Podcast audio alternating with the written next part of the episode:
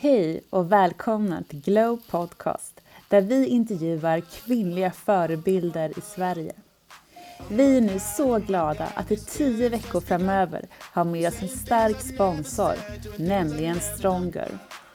Stronger erbjuder unika, snygga och färgglada träningskläder för kvinnor. Och jag har redan innan detta använt deras träningskläder för att jag tycker att de gör träningen roligare.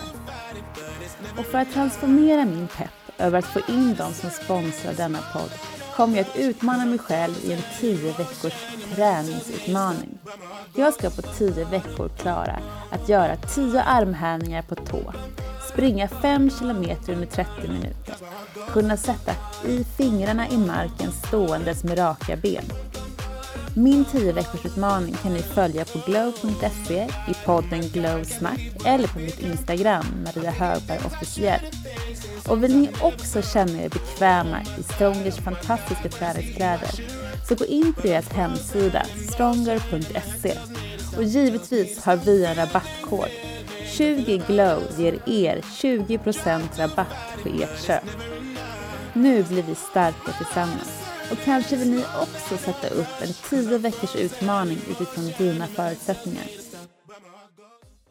I dagens avsnitt av Glow Podcast träffar vi Alexandra Berg som är civilekonomen från Handelshögskolan i Stockholm som hoppade av en chefstjänst på Arlanda flygplats för att följa sitt hjärta och leva sina värderingar till 100 procent. Idag hjälper hon företag och organisationer att bli framgångsrika genom att bry sig om människor och göra gott. Alexandra har mångårig erfarenhet av organisations och ledarutveckling både som chef, projektledare, egenföretagare och konsult och har framgångsrikt drivit uppdrag hos såväl näringsliv, offentlig och ideell sektor.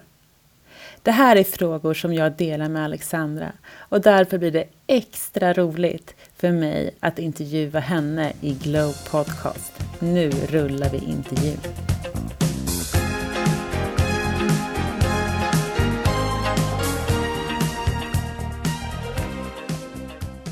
Men hej och varmt välkommen hit! Tack så mycket! Jättekul att komma hit faktiskt. Ja, verkligen. Eh, och jag tänkte alltid börja med att vi eh, checkar in. Så min första fråga är till dig, hur mår du idag på en skala 1 till 6? Där 1 mår du fruktansvärt och 6 så mår du helt fantastiskt. Jag skulle nog lägga mig på en femma idag på morgonen. Mm -hmm. Jag sitter och ser ut över vattnet och har haft en lugn morgon. Eh, fast peppade mig själv med en låt alldeles innan jag gick ringde upp dig. Eh, och sådär för att liksom, ja, men komma upp lite i energi. Eh, ja, och känner mig liksom nöjd och tillfreds och i tillit till livet på något sätt. Så där är jag. Hur mår du? Ja, men jag mår också jättebra. Jag har ju haft, varit sjuk i en månad. Och innan det så var mina barn sjuka. Men idag, alltså du vet nu den här veckan och några innan i påsk så har jag mått så bra så att jag är friskare än vad jag någonsin har varit. Och det, det låter skönt. Ja, men det är det som är så skönt. Man har varit sjuk länge eh, med corona och förkylningar. Alltså du vet, det enda man vill är ju att bli frisk. Och när man väl är frisk så njuter man ju mer av att få vara frisk än innan man blev sjuk. Ja. Och det är ganska viktigt det där faktiskt. Alltså på något sätt att, att vara medveten om det. Jag märkte aldrig att jag hade corona. Mm. Men förutom att jag helt plötsligt märkte att men nu känner jag ingen doft. Och nu har jag varit utan doft i två månader och jag har antikroppar. Och just det där att inse så här att men gud den här hudlotionen som jag vet jag bara älskar, den doftar ingenting nu. Och det är på något sätt så här viktigt att bli påmind om hur de här små sakerna i livet kan vara så otroligt betydelsefulla fast man tänker inte på dem. Liksom, man Nej. tänker inte på att så här, ja, men det doftar gott av den här hudkrämen. Inte så mycket liksom. Förrän den dagen som man, när man inser att jag känner ju inte doften längre. Nej. Och jag fick ju så här, jag fick ju inget bortfall av lukt och smak. Det enda jag kände var att jag var hungrigare än vanligt. Jaha. ja, men för det är ju just det där, det blir tråkigt och jag älskar liksom mat i vanliga fall. Och, och nu smakar det liksom, ja men det smakar halvgott.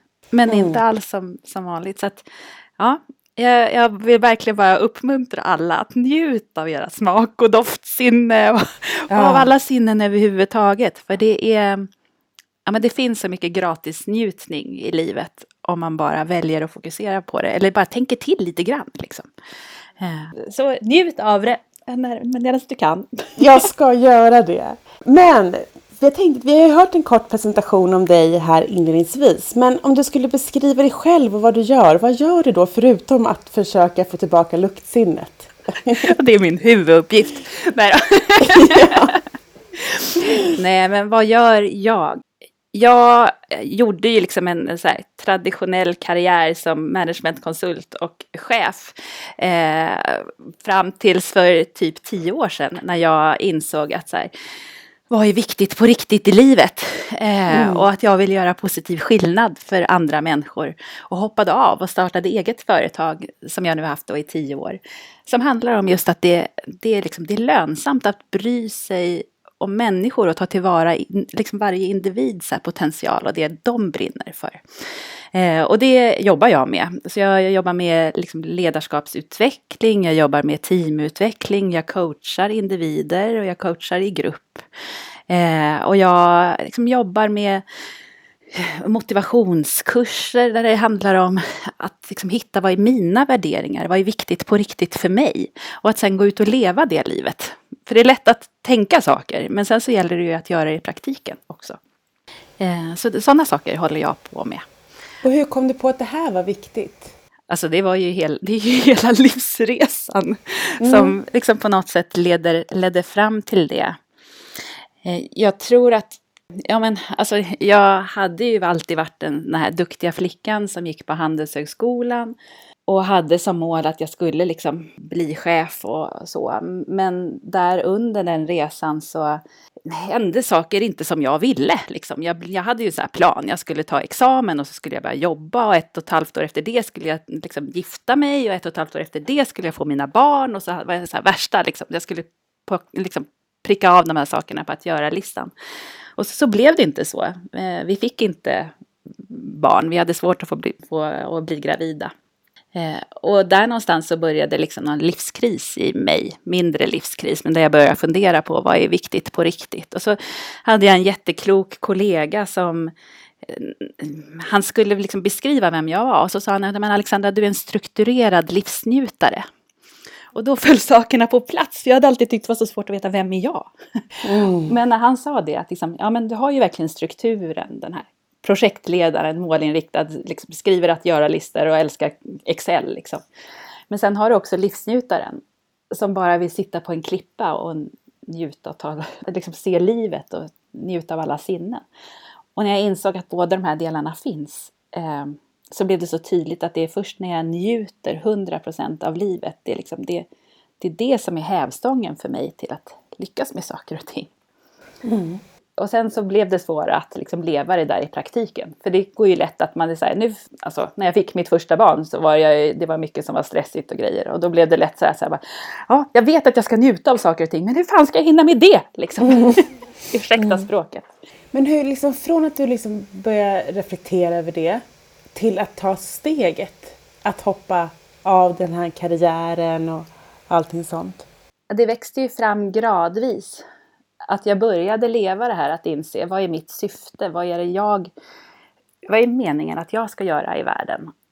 Och då, då fick jag liksom bevis på att ja, men till exempel, jag vill göra positiv skillnad för andra människor. Och då från att varit projektledare så fick, blev jag helt plötsligt erbjuden ett jobb där jag skulle vara chef för 120 personer.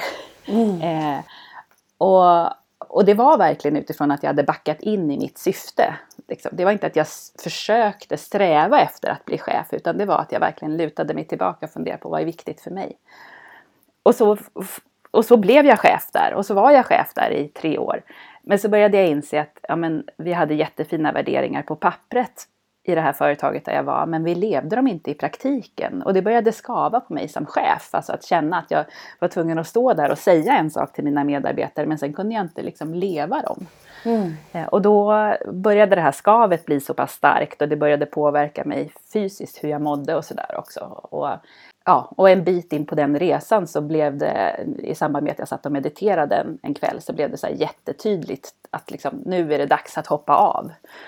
Eh, och, det, och då vet jag inte riktigt varifrån den där tilliten kom. Men jag kände så tydligt i mig att nej men det är dags nu att jag ska göra något annat. Och då hade jag ju hela liksom, handelsbakgrunden i mig så jag visste ju att jag skulle ha en affärsplan och veta exakt hur jag skulle göra framåt och vad som skulle vara min målgrupp och sådana här saker. Men inget av det där följde jag. Utan jag gick verkligen bara på ja, men maggruppskänslan och någon slags här, tillit till att ja, men det kommer visa sig vad jag ska göra. Och jag vet inte riktigt varifrån det modet kom, men sen har jag liksom levt på det viset och det har ju visat sig vad, alltså, vad som var min grej.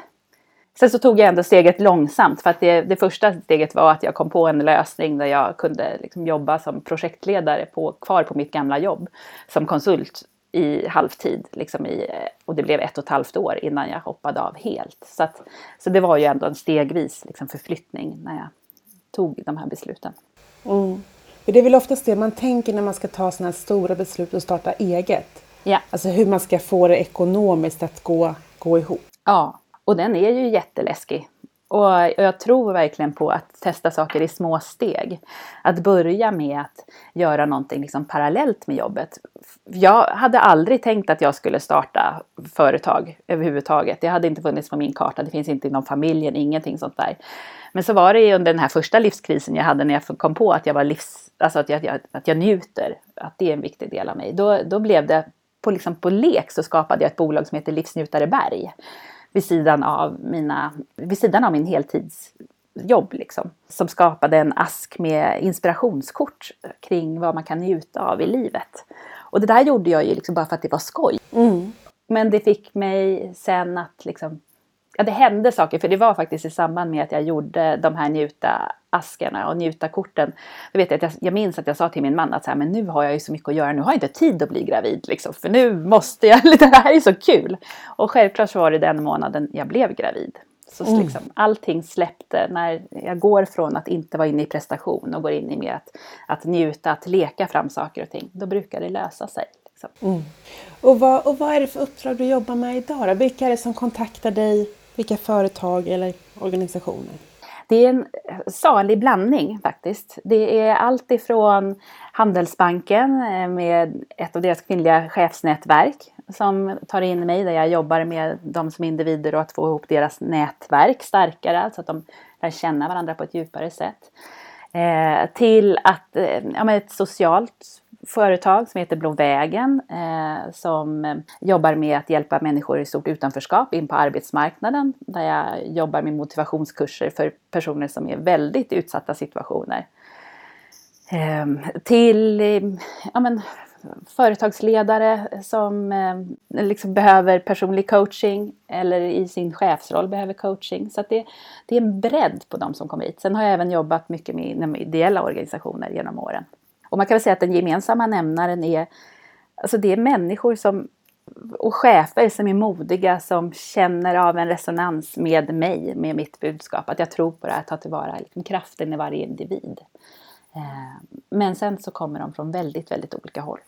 Många gånger har jag önskat att jag skulle kunna säga att det är den här branschen, men så är det inte, utan det, det är personer från olika platser som hittar mig.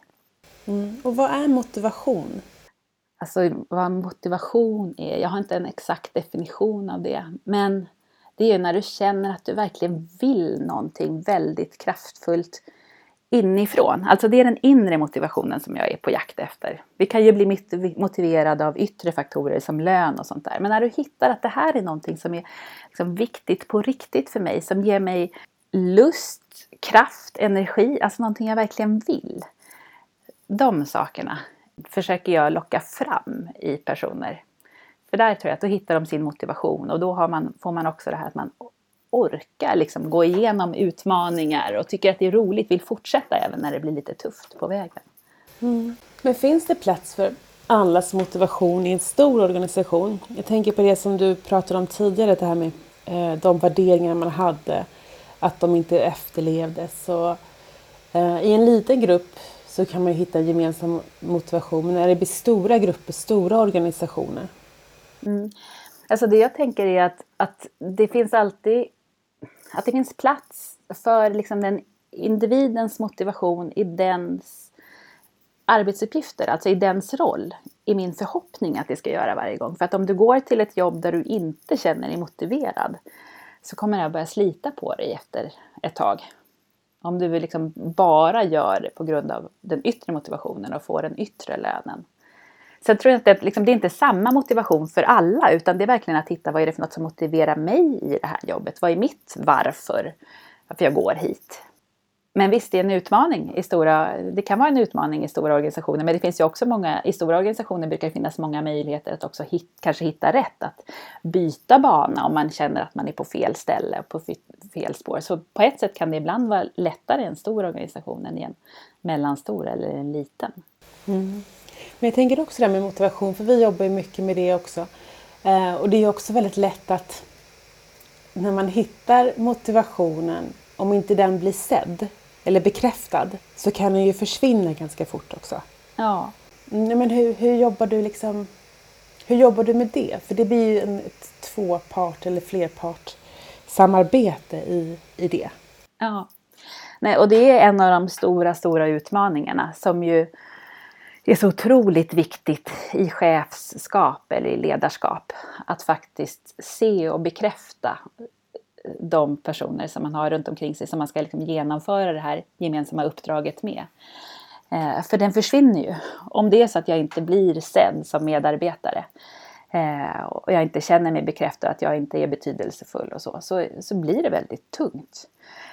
Men å andra sidan så är det ju ledarskapsperspektivet ser ofta ganska enkelt egentligen. Alltså människor behöver bli sedda, de behöver bli bekräftade men de behöver inte alltid få som de vill. Utan de, liksom, det, det, handlar så mycket om att, att faktiskt ja, men, att finnas där, att, att se, att lyssna, att ställa frågan hur mår du idag? Och inte bara göra det för att du ska bocka av det på listan utan att faktiskt stanna upp och vara där. Där och då i hjärtat liksom, när du frågar en person hur den mår. Mm. Och det här är ju en utmaning, alltså en jättestor utmaning för många chefer idag.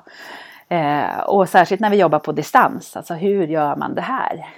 Men det är en av de saker som jag ser som är absolut viktigast för att liksom få en grupp att fungera bra eh, och fungera väl.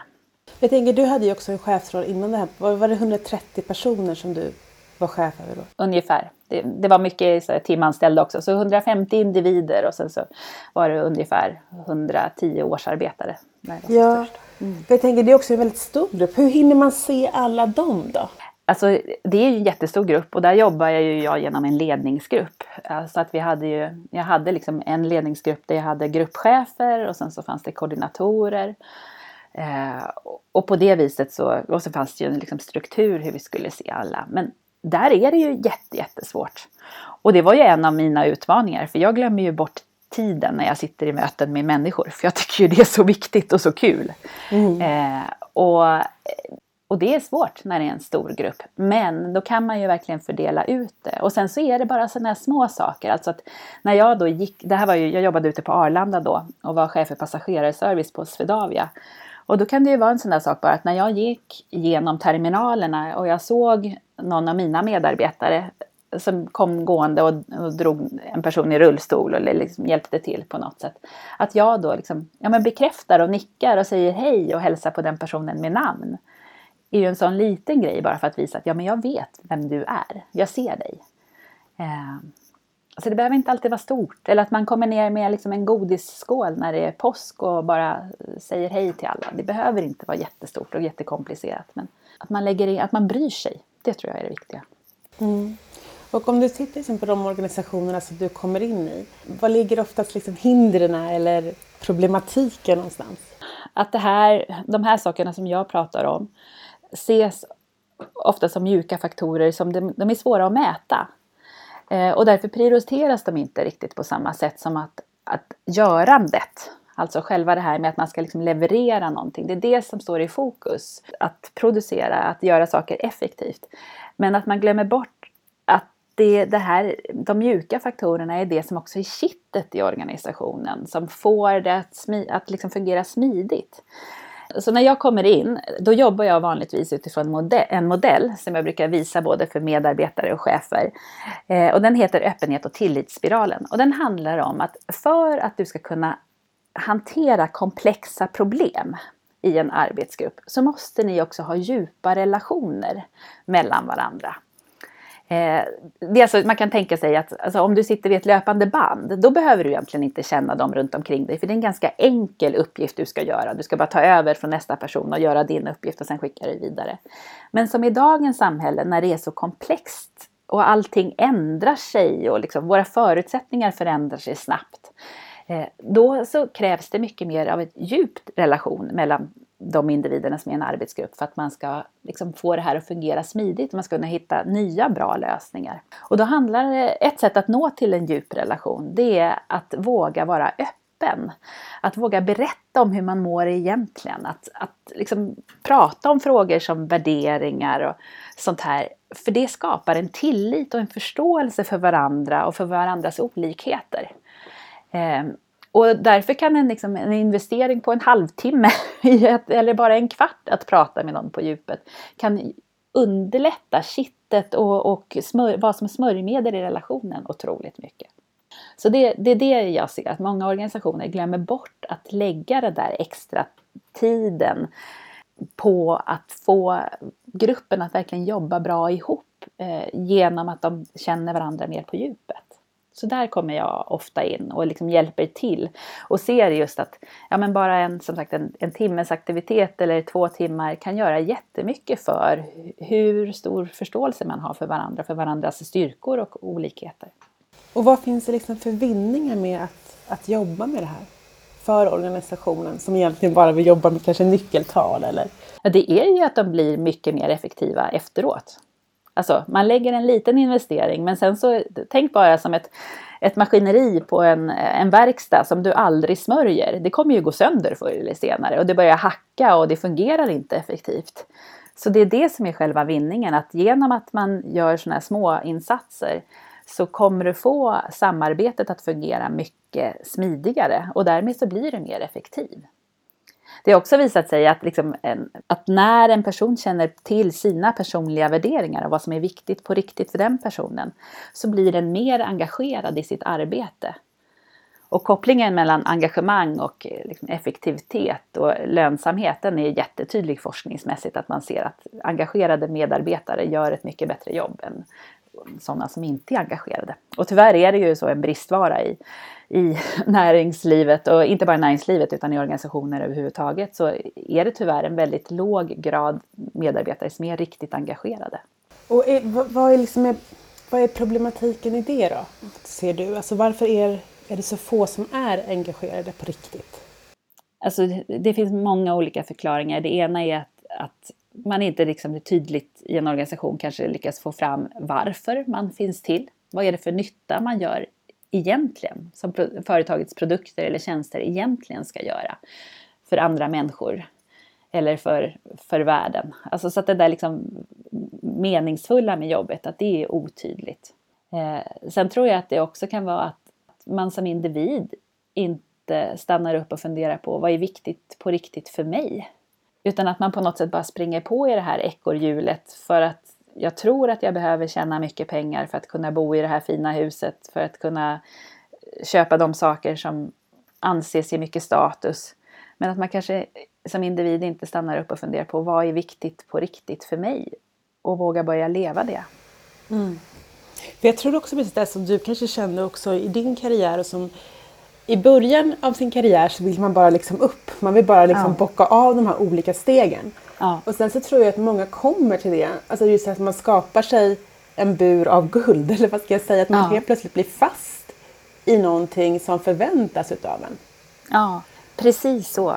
Och då blir det ju liksom, vad tar organisationen för ansvar i det? Och vad tar individen? Alltså hur kan man få det att mötas? Att det inte ska kännas så utan att man liksom ska kunna locka fram en framtida motivation. Och... Ja, och den, det är ju verkligen riktigt, en riktigt stor fråga.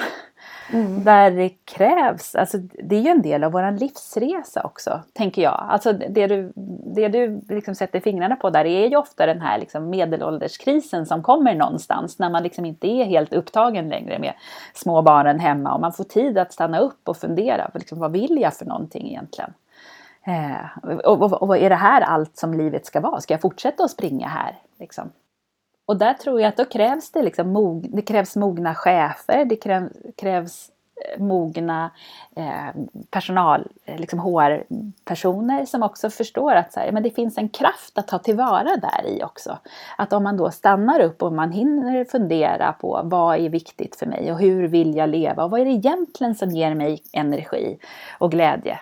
Så, så finns det ju, och att man kanske liksom kan, kan ändra om lite där eh, byta bana, byta liksom inriktning, så finns det ju också en enormt stor potential att fortsätta framåt.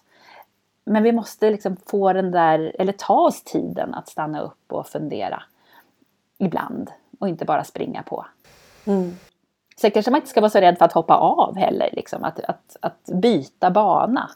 För, särskilt nu, alltså förr i tiden var det ju så, liksom guldklocka och 25 mm. år minst var det man ville ha. Men nu finns det ju så mycket liksom, gigekonomier och såna här saker. Att, att man faktiskt kan byta jobb. Så det är ju också en del att våga liksom, som individ våga vara modig, våga följa om det finns lust och, till någonting annat istället för att stanna kvar.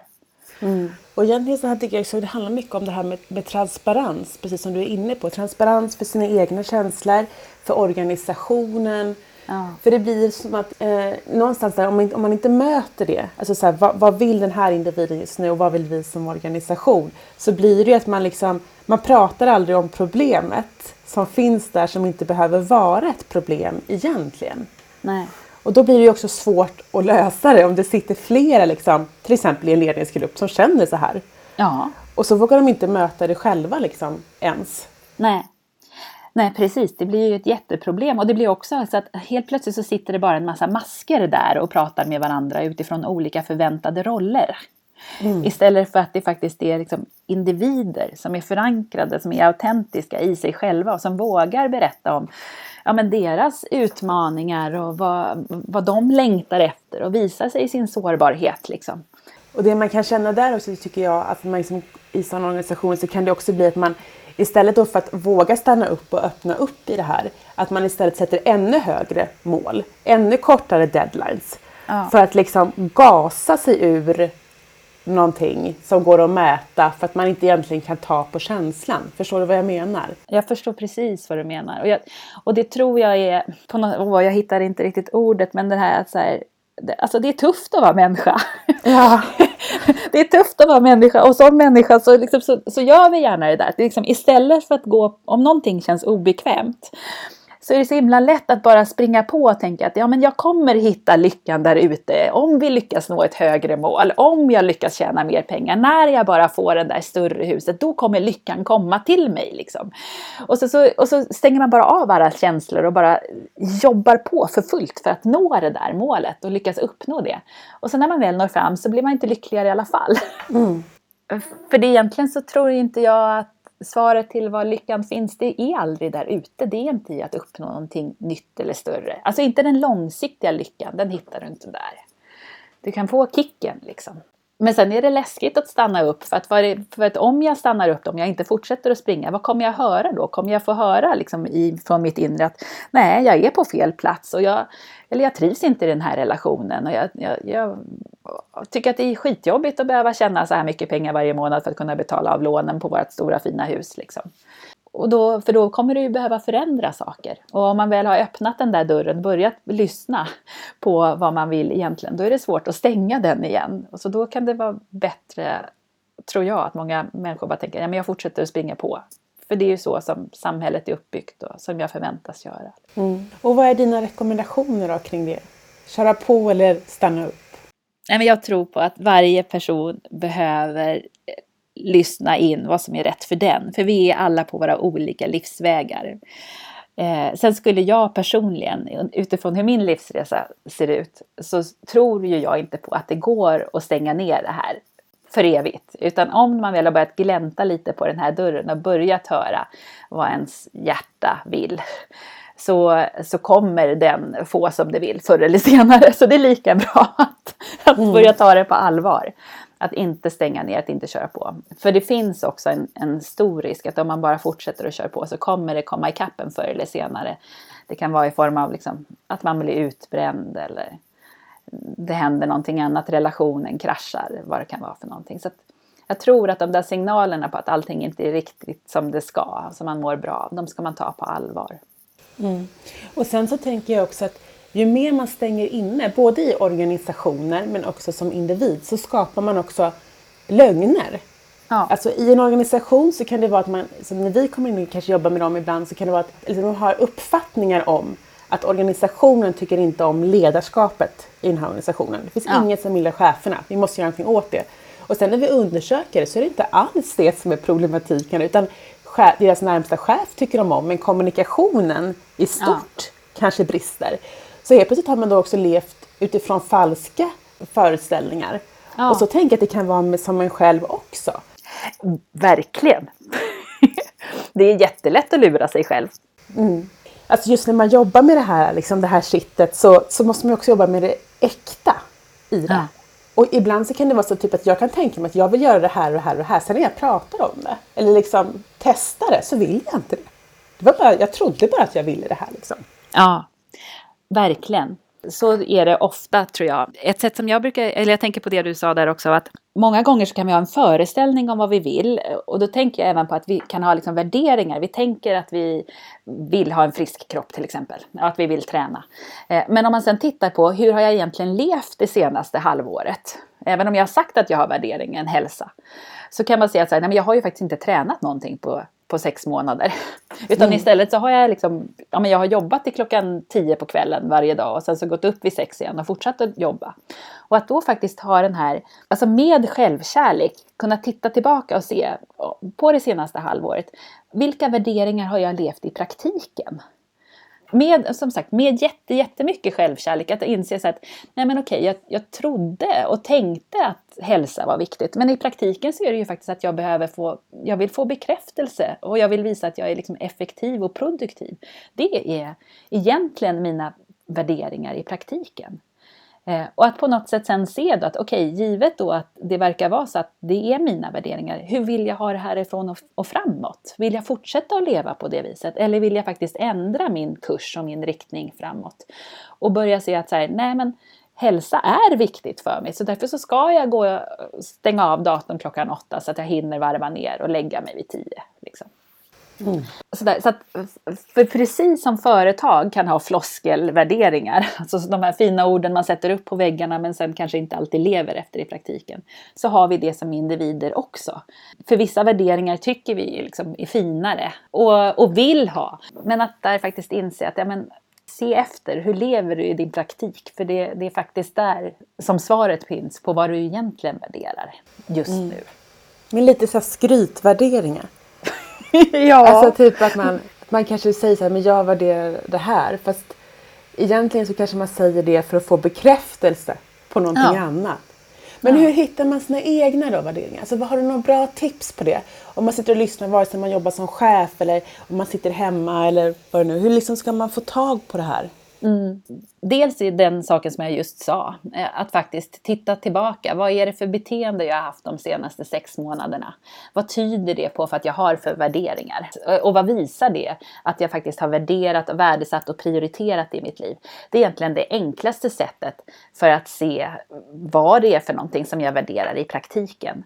Eh, Sen kan man göra massa olika, det finns tester man kan göra både på nätet, det finns något som heter Value Online, man kan gå in och liksom rangordna värderingar gentemot varandra för att på det viset få fram liksom en, en kartbild kan man säga, att det här tycker jag är viktigast. Men det är ju också en, en mental grej. Och, och därför ser mitt starkaste tips att faktiskt gå in och titta på vad är det du har gjort? Hur ser ditt beteende ut det senaste halvåret? För det kommer säga mycket mer om vad dina värderingar är på riktigt jämfört med det här när du tänker ut vad du vill värdesätta och värdera. Mm. Och om man då jobbar i en organisation, precis som du liksom inledde det här med, där du känner att man har jättefina värderingar, för det här ser man ju överallt. Ja. Eh, de här värderingarna som står, kanske på hemsidan eller så, men man känner det absolut inte. För så kan ju du också, jag tänker mig att jag kan nästan bara känna när jag kliver in i ja. ett kontorslandskap så kan jag nästan känna så här, en känsla av om jag känner mig välkomnad eller inte. Så det, man, man, kan känna liksom lite på stämningen. Så yeah. Men om man jobbar där eller om man är en, en chef som vill förändra det här, som vill få att man lever värderingarna på riktigt. vad, är liksom, vad ska man göra då? Ja, först och främst så krävs det att vara modig och att våga börja prata om det på riktigt. Att med sina chefskollegor eller med eh, personer eller medarbetare runt omkring att faktiskt börja prata om hur är det här? Och att man kan gärna uttrycka sig i sådana här jag-budskap. Att liksom, hur det får en själv att må när man ser ja, det som sker liksom, i organisationen.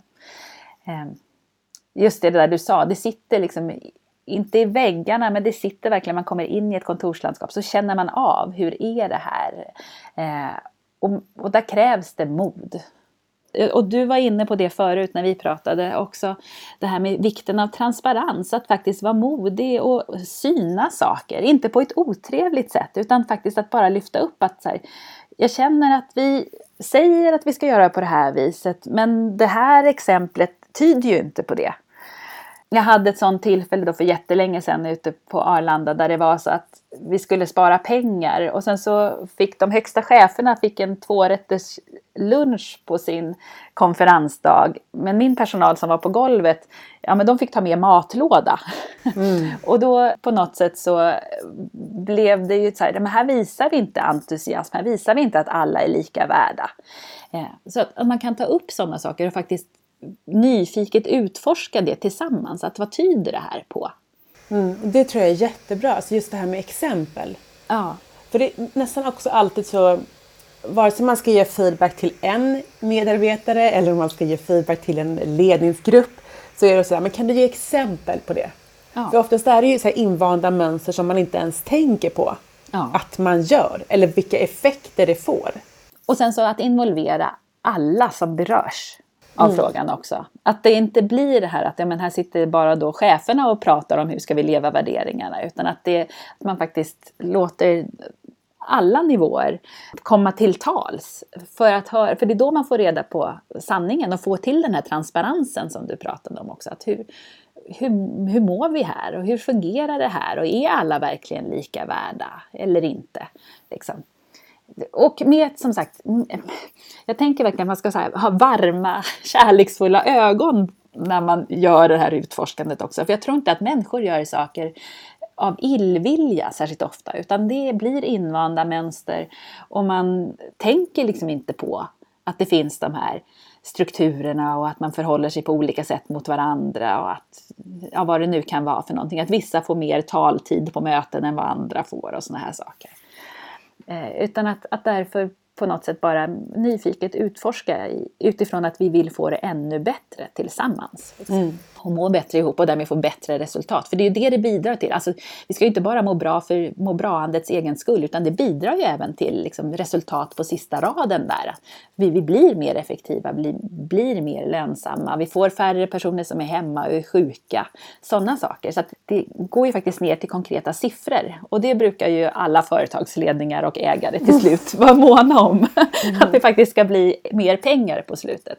Mm. Och det får man om man, tar, alltså om man bryr sig om personer, man tar tillvara deras inre drivkrafter eh, och det de, deras motivation. Då kommer det också leda till ett bättre ekonomiskt resultat i slutändan. Mm. Och då kan man också tänka det personligen att om man också är sann mot sig själv så kommer det, liksom, det ekonomiska att te sig. Det, kommer, det fick jag från en chef när jag bytte jobb någon gång. Och så sa hon så här, men Maria bry dig inte om pengar och lönsamhet, det kommer. Bry dig om det som du tycker är roligt och viktigt så löser det andra sig. Ja, det tror jag verkligen också på. Sen kan det också vara en utmaning i praktiken.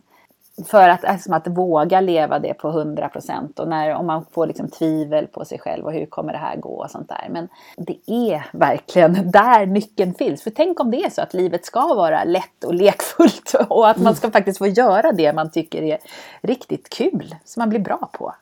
Mm. Eh, vi kanske glömmer bort de här ledtrådarna som naturen och livet ger oss. Att det här tycker jag är riktigt skoj. Det ska jag göra mer av. Och så istället så går vi där och så bara pannben. Jag ska pusha igenom hårt på det här jobbet. Fast vi inte alls trivs i det. Liksom. Det kanske skulle kunna vara lätt och lekfullt och jättetillfredsställande på alla plan istället. Mm. Och jag tänker att vi kan sätta in nu nästa punkt som är dilemmat. För jag tror att många som, som sitter och lyssnar nu som kanske blir inspirerade att faktiskt göra en förändring och sen som möter på motstånd. Så jag tänker att jag läser upp ett litet dilemma för dig som du får då svara på. Ja, mm. spännande. ja. Du är inbjuden som konsult till ett företag för att utveckla dem som arbetsgivare. Du är kallad till ett första möte och i rummet sitter ledningsgruppen bestående utav enbart män. Du märker ganska snabbt att många inte förstår varför du är här och att de inte tycker att det du gör är viktigt. De har ju viktigare saker för sig. Efter flera kommentarer, visat ointresse och lite halvt dålig stämning, så vad gör du då? Det där är ju jätteroligt. ja, mitt svar är ju verkligen det beror på. Och det beror på vad, liksom vem som har plockat in mig och hur min känsla är. För någon där har ju ändå lockat, har ju ändå velat att jag ska komma. Och då är det beroende på vem det är, om den, vad den personen har för liksom, möjlighet att påverka i den här gruppen. Men jag skulle syna dem.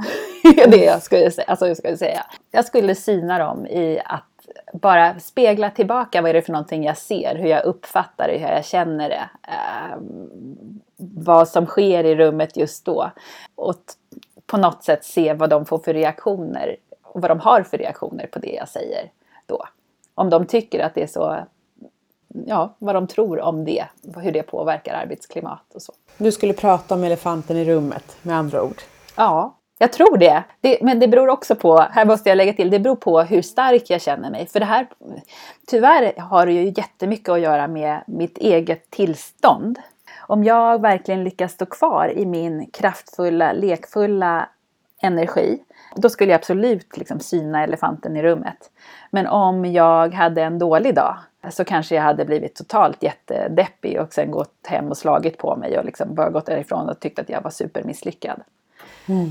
Så det, men det, där finns det ett val att göra. Liksom. Där har jag ett val att göra. Att ska jag då nedslås av det och tänka att de hade rätt och jag blir en blöt liten fläck. Eller att faktiskt säga att det här är ett lysande exempel på precis att ni behöver jobba med det här. Och sen så tar det utifrån den liksom, kraftfulla och jag skulle också säga kvinnliga lekfulla energin i det. För det är antagligen precis det de behöver höra. Mm. För det där tror jag, alltså jag tror verkligen att det är jätteviktigt att man verkligen, ibland så känns det också som att man inte pratar om det. Alltså man pratar inte om elefanter utan man bara kämpar på olika sätt. Och då blir man ju helt utmattad. Ja. Men det är ganska kul också tänker jag. Alltså om man är i en sån situation, så här, men nu, precis som du säger, nu upplever jag det här för att se reaktionerna. För då blir det så svårt liksom, du känner fel. Det går ju inte. Alltså när man just pratar utifrån ett jag-budskap och liksom att här, jag uppfattar det på det här viset och känner det här och, och kan verkligen säga det som jag ser i rummet, liksom spegla tillbaka det. Nej, men det skulle säkert vara otroligt lärorikt, både för mig och för dem. ja, precis. Men vad bra! Eh, och då går vi över till sista sekvensen som är fem snabba. Ja. Och då kör vi igång. Om du var statsminister i en vecka, vad skulle du då göra? Gud vad svårt. Jag skulle vilja, det första som kommer fram i huvudet är så här, ja, men jag skulle vilja få alla människor att förstå hur otroligt betydelsefulla de är som unika pusselbitar i vårt land, i världen. hur jag skulle göra det har jag ingen aning om.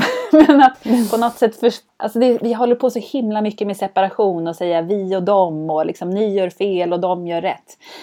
Jag tror på att försöka skapa, liksom, att få alla människor att känna att de är betydelsefulla och viktiga och bekräftade eh, som de är. Och att få oss att börja lyssna för att förstå varandra istället för att försöka få fram min egen mening. Mm. Och nästa fråga, när går jaget före laget? Jaget kan behöva gå före laget. Till exempel i det här fallet, jag brukar ta metaforen med när du är på flygplanet. Sätt på dig själv syrgasmasken först för annars kommer du inte kunna hjälpa de andra. Så ibland kan man behöva fylla på sig själv för att man sen ska kunna ha kraft och ork och lust och energi nog att hjälpa de andra istället för att totalt ta slut på sig själv genom att bara ge till alla andra först. Mm. Det är en jättebra liknelse. Tycker du att kvinnor ska stötta varandra till varje pris? Jag tycker att människor ska stötta varandra till varje pris, tror jag. Och sen så tycker jag att kvinnor kan bli mycket bättre på att stötta varandra. Eh, fast det, ja, men det är nog så att jag, fakt att jag landar tillbaka i att så här, men jag tycker att vi människor faktiskt kan bli mycket bättre överhuvudtaget på att ja, men hjälpa och stötta och se det fantastiskt goda i varandra allihopa. Mm. För det finns ju faktiskt inget härligare än, när man blir stöttad. Nej. Vare sig det är i en diskussion eller vad det nu än kan vara. Om någon säger så här, ja men jag håller faktiskt med Maria i det här. Tycker hon har bra resonemang. Ja, det är jättehärligt. Och det häftiga är att det faktiskt ofta är väldigt skönt att stötta någon också. Mm. Det här med att faktiskt gå in och lyfta fram vad man uppskattar i en annan person kan, ger mig jätte, jättemycket energi. Samtidigt som den personen börjar stråla. Om den får höra att jag ger den liksom en komplimang eller något jag uppskattar från hjärtat. Så det finns liksom, det är vinna-vinna det där med att stötta och stödja och hjälpa varandra. Mm. Och sist, eller två kvar då. När en kund säger detta till dig så brinner det till i huvudet på dig. Vad har de sagt då? Oh, då blir jag så här, brinner till? Är det på ett bra sätt eller på ett dåligt sätt? ja, det får du bestämma själv. Jag tänkte dåligt, men det kanske är bra. Det kan ju lika väl vara bra. ja, eh, jo, men då är det så här att jag menar, det brinner till på ett bra sätt i mig och när jag får höra att att jag har gjort något som verkligen har, som haft stor betydelse för dem i deras liv. Där de har ändrat någonting. Att det här skiftade verkligen någonting i mig. Då kommer en passionseld upp i mig. som bara säger så här yes! Det här är viktigt på riktigt. Det jag har varit med om och gjort nu. När jag får en sån feedback då inser jag att ja, då brinner den där passionen. Att Gud, det här, det här är liksom, this is the shit. Det här ska jag fortsätta med. mm. Och vem skulle du vilja lyssna till i Glow Podcast? Det finns så många som jag skulle vilja lyssna till. Eh, och, och, den jag skulle ändå liksom rekommendera er att prata med är Sanna Rodelius. Eh, hon är en fantastisk, mogen, inte mogen, nu säger jag fel, modig kvinna eh, som bara brinner för samhällsutveckling och har gjort en fantastisk egen livsresa de senaste åren där hon står upp för kvinnlig kraft och energi och eh, gör massa modiga val. Så henne vill jag varmt tipsa om. Mm. Men tack så jättemycket för att vi fick prata med dig här idag och för alla dina kloka ord och reflektioner. Tack! Tack så jättemycket för att jag fick vara med. Tack för att ni lyssnade. Ja, det här var roligt.